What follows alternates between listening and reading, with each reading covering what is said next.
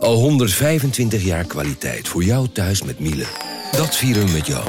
Ontvang nu tijdelijk een cashback tot 125 euro op veel Miele-apparatuur. Geniet van de kwaliteit van Miele. Voor perfect verzorgd wasgoed en kleding die veel langer mooi blijft. Voor een stralend schone vaat, even perfect als jouw diners. En een stofvrij thuis waarin echt hygiënisch schoon de standaard is.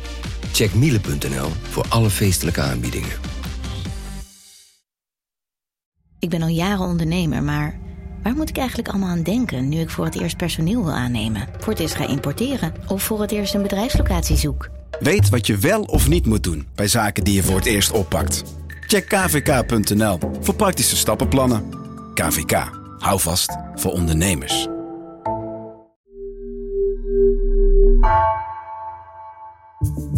Vanuit het Tweede Kamergebouw in Den Haag het verhaal van vandaag. Mijn naam is Floor Boon.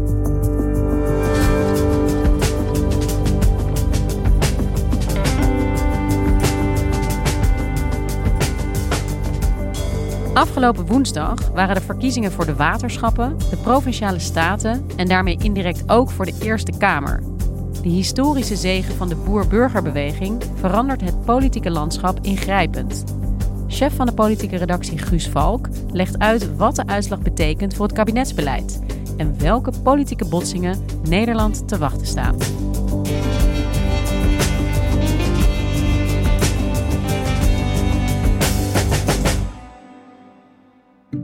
Guus, we zitten hier in Den Haag in de Tweede Kamer. Het is een hele drukke week geweest. Uh, het is donderdag, dan nemen we op. En ik zag midden in de nacht nog een uh, analyse van jou gepubliceerd worden. Hoe was de verkiezingsavond? Nou, ik zat zelf uh, op het hoofdkantoor in, in Den Haag. En dan hou je natuurlijk contact met de mensen in het land. Collega's die, die bij uitslagenavonden zijn het, het, is zo totaal verschillend met wat ze oppikten, waar ze mee terugkwamen. Uh, dan had je weer de een aan de lijn, Eppo Keunig in uh, Badmen, waar uh, eh, BBB aanwezig was. Nou, die was bijna niet te verstaan door al het geschreeuw op de achtergrond, omdat mensen daar helemaal uit hun plaat gingen van, van euforie.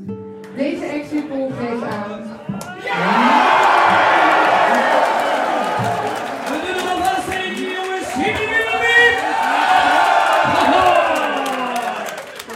En vervolgens uh, spreek je Lemia Harouai, die bij het CDA zat in Den Haag. Uh, waar een totale grafstemming heerste. En waar alle kopstukken uh, zich niet of nauwelijks lieten zien. En, en alleen maar sombere gezichten. Dat, dat straalt ook altijd een beetje af op de redacteuren. Dus de een zit in een feest en de ander zit in een begrafenis bijna. En het opvallende was dat vrijwel alle gevestigde partijen verloren tot, tot heel zwaar verloren. Waarbij links het nog wel redelijk heeft stand gehouden. Maar uh, er toch uh, voor vrijwel niet één partij echt iets positiefs te melden valt. Behalve natuurlijk voor BBB. En de uitslag die BBB heeft neergezet maakt ook wel dat ik deze avond historisch noem. Omdat ik in de jaren dat ik uh, politiek verslaggever ben, maar twee keer eerder zo'n aardverschuiving heb meegemaakt. Uh, de eerste keer was in 2002 bij de Tweede Kamerverkiezingen, de LPF, die vanuit het niets 26 zetels haalde. En de tweede keer was 2019, de provinciale statenverkiezingen, waar Forum voor Democratie opeens de grootste partij werd. In die orde zit deze doorbraak van BBB. Wat zegt dit nou eigenlijk over het gevoel waarmee Nederlanders naar de stembus zijn gegaan en wat ze wilden van deze verkiezingen? Het is denk ik heel vaak over kloven gegaan en over tweedelingen in Nederland. Bijvoorbeeld de tweedeling stad-platteland of de tweedeling rijk-arm of um, kans-arm-kansrijk. De VVD framede de verkiezing ook als een tweedeling, als een tweestrijd tussen eh, rechts, zij dan, en links. De linkse wolk, zoals de VVD dat zei. Ik denk dat al die uh, verhalen over tweedelingen niet blijken te kloppen. Er is inderdaad eh, sprake van een tweedeling, maar het is niet de tweedeling zoals het ons werd voorgespiegeld. Het ging hem niet over rechts versus links. Het ging ook niet over stad versus platteland. Het ging denk ik over het gemoed van Nederland. En wat ik heel erg meeneem uit deze uh, uitslag is dat er een humeur van Nederland is dat zich zo laat omschrijven dat het eigenlijk allemaal best wel goed gaat. En dat Rutte het toch maar doet. En dat we moeten samenwerken. En dat de grote lijnen van het kabinetsbeleid, denk aan de stikstofaanpak of de energietransitie of de klimaatmaatregelen, dat die allemaal in de kern wel deugen. er zijn gewoon veel tevreden kiezers ook nog altijd. Maar daartegenover staat een groep, en die kan je niet alleen maar op het platteland vinden, maar die vind je ook in de steden, vind je ook in de, uh, in de middelgrote gemeenten, die vind je overal BBB haalde 8% van de stemmen in Rotterdam, mind you. Dat zegt van, het gaat helemaal niet goed. Uh, er wordt een deel van Nederland vergeten. Wij worden in de steek gelaten. Die het idee hebben dat Den Haag niet voor hen werkt. Die het vertrouwen in politiek kwijtraken. En die hun hoop nu hebben gevestigd en ook eigenlijk hun humeur hebben geprojecteerd op BBB. Ja, dus BBB is eigenlijk de belichaming op dit moment van al die ontevredenheid en de hoop dat deze partij daar iets aan zou kunnen gaan veranderen. Helemaal. Eh, je zag ook dat andere populistische partijen het eigenlijk allemaal behoorlijk slecht hebben gedaan. En stemmen verloren aan BBB. Dat eigenlijk als een spons die hele onvrede naar zich toe heeft gezogen.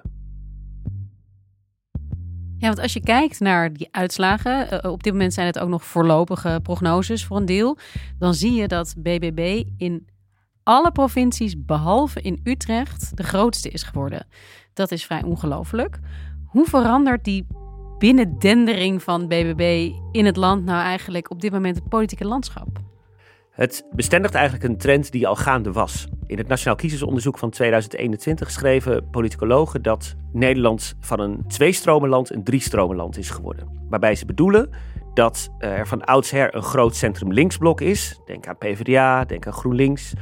D66 zou je daarin kunnen scharen. En een centrum rechtsblok, uh, CDA, VVD. En, en nog een paar protestpartijen in een soort van kosmos uh, eromheen.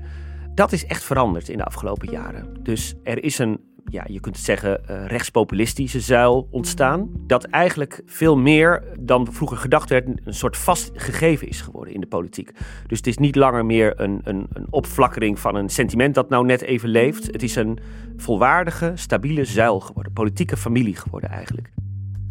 En het feit dat die derde zuil echt een blijvertje is, dat heeft groot effect op de landelijke politiek, maar ook op de provinciale politiek de komende vier jaar. Ja, en die verandering die zie je dus nu in dat hele land plaatsvinden, die, die, die, verschuiving in dat landschap. In die provincies beginnen nu de onderhandelingen over colleges. Provincies gaan onder andere over de uitvoering van de stikstofplannen van het kabinet, maar ook over waar huizen kunnen worden gebouwd.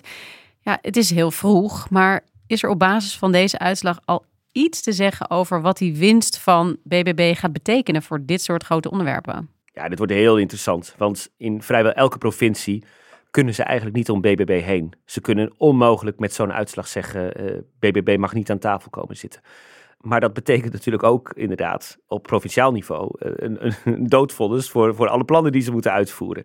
Dus dat wordt ontzettend ingewikkeld. Voor partijen als VVD en CDA bijvoorbeeld, partijen die dus echt flink klappen hebben gehad, vooral het CDA, betekent dat gewoon op provinciaal niveau dat ze met BBB om de tafel zullen moeten om te kijken wat daar wederzijds te halen valt.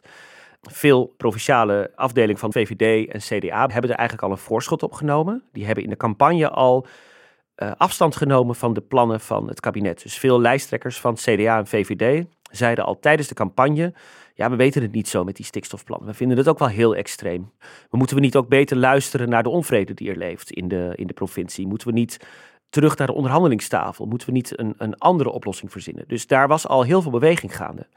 En dat leidt dus ook weer tot een verwijdering tussen, ik zal maar zeggen, de VVD in, noemen ze wat, Noord-Brabant en de VVD landelijk. En is er iets te zeggen over hoe deze uitslag het beleid in de provincies gaat veranderen? Heel veel beleid dat de provincies gaan uitvoeren, is beleid dat is bedacht door Rutte 4. De provincies hebben daar een hele belangrijke taak in. En als uh, de provincies dwars gaan liggen en zeggen dat beleid voeren wij niet uit, wordt het dus een hele grote botsing tussen eh, de provinciale bestuurslaag en de landelijke bestuurslaag. Ik denk op twee punten dat je het heel erg gaat zien. Het eerste is stikstof, ik noemde het net al eventjes. Eh, de provincies hebben een grote taak gekregen om oplossingen te verzinnen voor de stikstofmaatregelen die genomen moeten worden in hun gebied. En het kabinet heeft daar uh, vergaande plannen in om voor 2030 voor een enorme reductie, bijna de helft lijkt het, van de stikstofuitstoot van nu eh, te gaan zorgen. Provincies moeten dat gaan uitvoeren en het Rijk heeft gezegd, komen jullie maar met plannen. Gaan jullie maar vertellen hoe jullie dat gaan doen. Dat wordt natuurlijk een grote hak in het zand uh, operatie met deze uitslag. Dat kan niet anders. Ten tweede kun je ook denken aan uh, de spreidingswet, zoals die is gaan heten. De, de, de wet van Erik van den Burg van de VVD, staatssecretaris van uh, asiel. De spreidingswet moet nog door de Eerste en de Tweede Kamer worden aangenomen. Maar die probeert ook via dwangmaatregelen ervoor te zorgen dat uh, asielzoekers eerlijker over Nederland verdeeld worden. Daar hebben vooral gemeenten mee te maken. Maar de provincies hebben een belangrijke taak van Van de Burg gekregen. Die moeten dat gaan uitvoeren. Eigenlijk als een beetje een mediator tussen Rijk en gemeente. We weten van BBB dat ze, als het om asiel en migratie gaat, echt aan de rechterkant hangen. Eh, daar maken ze ook geen geheim van. Dus ook op dat onderwerp verwacht ik veel meer clashes met het Rijk.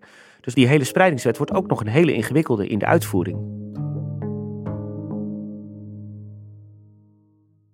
Ja, dit gaat over de provincies, maar deze verkiezingen gaan ook over de samenstelling van de Eerste Kamer. En ook daar gaan grote veranderingen plaatsvinden. Ja, de leden van de provinciale staten kiezen straks de samenstelling van een nieuwe Eerste Kamer. Nou, wat doet de Eerste Kamer? Die toetst de wetten die de Tweede Kamer heeft aangenomen. Dus elke wet moet door de Eerste Kamer, wil het echt een wet worden. En de Eerste Kamer kan flink dwars liggen, hebben we uh, afgelopen jaren gemerkt. De coalitie had al een minderheid in de Eerste Kamer. Nou, daar is nog een flinke hap afgegaan. Ze houden, zo lijkt het, 23 van de 75 zetels over, minder dan een derde. Dat is echt heel weinig. Dus die zitten met een groot probleem. Want um, ze hebben andere partijen nodig om hun plannen uit te voeren. Nou, dus ben je altijd de vragende partij. Dat is ontzettend lastig. Dat weten ze nu al. Ze moeten elke keer naar andere partijen om te bedelen: willen jullie alsjeblieft onze plannen steunen? Het antwoord is meestal: dat willen we best, maar dan willen we ook dit en dit en dit. Ja, hiervoor zagen we vaak dat de coalitie die meerderheden dan verkreeg met hulp van linkse partijen, waaronder GroenLinks en PvdA. Dat nieuwe blok van GroenLinks PvdA haalt nog steeds genoeg zetels om ja, die mogelijkheid over links vast te houden. Dat kan dan dus toch nog steeds. Ja, het goede nieuws voor uh, Rutte 4 is dat dat nog steeds kan. Het linkse blok is uh, ongeveer intact gebleven, lijken 15 uh, eh, zetels te halen. Daarmee zijn ze nog steeds in staat om gezamenlijk aan een meerderheid te komen. Dus die route, met eigenlijk wat je kan noemen de loyale oppositie, kan nog steeds. Ze kunnen nog steeds naar PvdA en GroenLinks stappen en met hen een meerderheid halen. Maar er is wel iets veranderd. Ze kunnen nu ook over rechts. Want BBB heeft 16 zetels gehaald, zo lijkt het. Misschien zelfs 17 volgens de prognose. Ze kunnen ook bij BBB aankloppen en zeggen: Hallo BBB, willen jullie misschien ons plan steunen? En ze zijn dus niet langer meer getrouwd met PvdA en GroenLinks. Ze hebben een keuze tussen twee. Dus het, op een gekke manier vergroot het ook weer hun speelruimte. Kun je dat een beetje uitleggen? Er zal op uh, een heleboel lastige thema's de komende tijd een meerderheid in de Eerste Kamer gezocht moeten worden. En Ergens wordt het voor de coalitie makkelijker. Hè? Die kunnen straks zeggen, eh, we kunnen linksom of kunnen rechtsom. We kunnen kijken of we een wet via de linkerkant aangenomen kunnen krijgen. Of misschien wel via de rechterkant.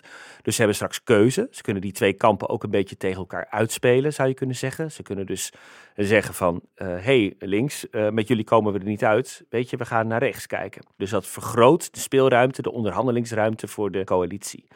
Maar dat is niet het hele verhaal. Want er komen wetten aan die ook intern in de coalitie heel erg lastig liggen.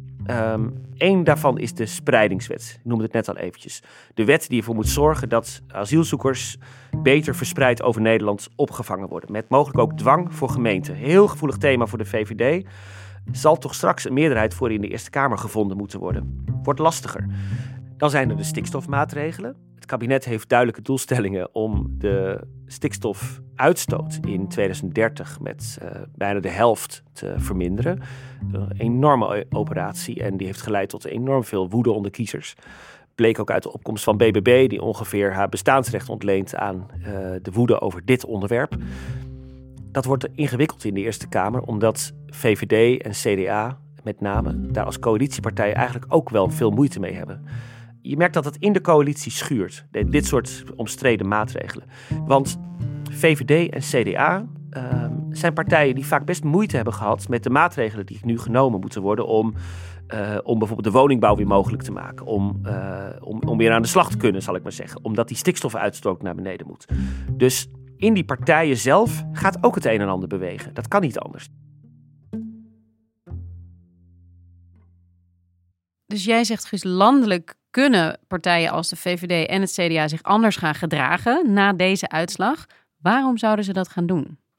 Deze twee partijen hebben allebei verloren. Ze weten donders goed dat de kiezers die weggelopen zijn, voor een belangrijk deel naar BBB zijn weggelopen. Uit onvrede met met name het stikstofbeleid. En dat stikstofbeleid, die plannen, die moeten uh, erdoor. Christiane van der Wal, de minister voor stikstof uh, van de VVD, zei dat woensdagavond ook na de uitslagenavond. Je kunt niet opeens zeggen, oh maar dan voeren we die stikstofplannen niet meer uit. Er zijn gewoon rechterlijke uitspraken. Dat moet gewoon gebeuren. Tegelijk weet de VVD dat dit een recept is voor nog meer weglopende kiezers. En ik roep even de stemming bij uh, het, CDA in herinnering um, woensdagavond. De totale desillusie daar, de, grote um, machtspartij van decennia lang, is uh, verworden tot een splinterpartij straks in de Eerste Kamer en nu al in de Provinciale Staten. Die partij weet dat hun kiezers nu bij BBB zitten. Zij willen die kiezers terug. Dus wat zij gaan doen, is zich afzetten tegen die plannen. Eh, veel meer dan Hoekstra, de leider van, uh, van het CDA, tot nu toe al heeft gedaan. Die heeft al gezegd dat getal van 2030 is niet heilig. Hè, dat jaartal dat dan uh, die stikstofuitstoot gereduceerd moet zijn. Waarmee je eigenlijk al een voorschot nam op uh, toch ja, heropenen van de onderhandelingen, zou je kunnen zeggen. Hij weet dat veel van zijn kiezers en voormalige kiezers toch vinden dat de stikstofplannen toch voornamelijk het kindje van D66 zijn. Dus die gaan zich daarvan afzetten. En dat is een recept voor gedoe in dat opzicht ligt het hele speelveld weer open. Om die kiezers terug te winnen en om ook de rust in de partij misschien wat weer wat te herstellen, zullen VVD en CDA veel meer ook weer naar rechts kijken, waar BBB zit. In die zin is het ook wel interessant dat de, de, de brugfunctie die BBB eigenlijk een beetje is tussen rechts en populistisch rechts, echt uitgevent kan worden de komende tijd. Dus met BBB valt te praten over heel veel dingen.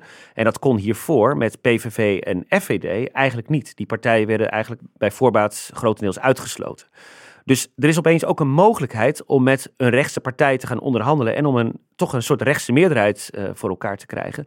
Dat is interessant voor CDA en VVD, die op een of andere manier zullen moeten proberen om die weggelopen kiezer terug te winnen en om de onrust in de partij te herstellen. Tegelijkertijd bestaat de coalitie naast de VVD en het CDA ook uit D66 en de ChristenUnie. Wat gaat dit dan betekenen voor de bestuurbaarheid van het land de komende tijd? Want zij zullen veel minder genegen zijn om over rechts wetten te willen aannemen in de Eerste Kamer. Nee, dat is een recept voor ellende natuurlijk. Want CDA en VVD kunnen wel uh, fijn uh, naar rechts kijken. Maar D66 met name, uh, als het over stikstof gaat, zou zeggen: ho ho, we hebben afspraken gemaakt. En jullie minister, Christiane van der Wal, is dat op dit moment aan het uitvoeren. Laten jullie nou je eigen minister vallen. Dus die zullen proberen om CDA en VVD toch een beetje in het hok te houden, zou ik maar zeggen. En bij de ChristenUnie geldt dat ook als het bijvoorbeeld over de spreidingswet gaat. Um, die zullen daar ook een groot punt van maken. Dus het vergroot de interne tegenstellingen. En er zit ook een psychologische kant aan. Want alle partijen hebben verloren, maar niet allemaal evenveel. En een, een partij als het CDA, die echt gigantisch klappen heeft gehad, ja, zo werkt dat toch wel vaak in een coalitie. Moet toch een klein beetje achteraan aansluiten dan, als ze iets te, eh, te wensen hebben. Want een partij als D66, ook een verliezer, maar die zullen zeggen, ja wacht even, jullie hebben zoveel uh, klappen gehad, gaan jullie maar even achterin zitten. Ja, en de vraag die een beetje boven de markt hangt, ook de afgelopen tijd, is: gaat het kabinet dan dit overleven? Hè? Gaan ze vallen of zullen ze gewoon hun termijn afmaken? Het blijft altijd heel ingewikkeld om in de toekomst te kijken. Maar is er iets te zeggen over het gevoel wat er nu heerst na deze uitslag? Hangt er heel erg vanaf wie het vraagt. Er zijn er heel veel die zeggen: het maakt eigenlijk niet uit. We weten dat deze onderwerpen complex zijn. Het is altijd al lastig geweest. Het blijft lastig. Maar we voeren het gewoon uit. En wat willen kiezers? Een regering die regeert. Nou, dat doen wij. Kijk maar naar al die wetten die nog door de Eerste Kamer moeten. Maar je hoort toch ook wel bij eigenlijk alle vier de partijen een soort sombere stemming ontstaan. Omdat ze heel goed weten dat uh, het heel lastig wordt om de eenheid te bewaren tussen vier toch wel ideologisch uh, heel verschillende partijen. In een landschap dat volkomen herschikt is. Dus uiteindelijk denk ik dat het voor deze coalitie heel erg lastig gaat worden het komende jaar. Of de coalitie redt, dat durf ik niet te voorspellen. Maar ik denk dat het heel erg moeilijk wordt om en uh, vast te houden aan het beleid dat ze al hebben bedacht. En de eenheid te bewaren. Die combinatie lijkt me vrijwel uitgesloten. Het worden dus uh, politiek gezien woelige, maar ook interessante tijden. Zeker. En morgen in Haagse Zaken praten we met de politieke redactie hier ook uitgebreid op door.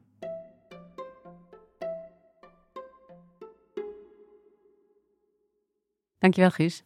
Alsjeblieft.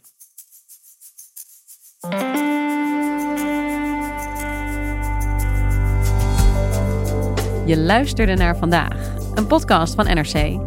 Eén verhaal, elke dag. Deze aflevering werd gemaakt door Iris Verhulsdonk, Igna Schoot, Claire Verplanken en Marco Raaphorst. Coördinatie Mirjam van Zuidam.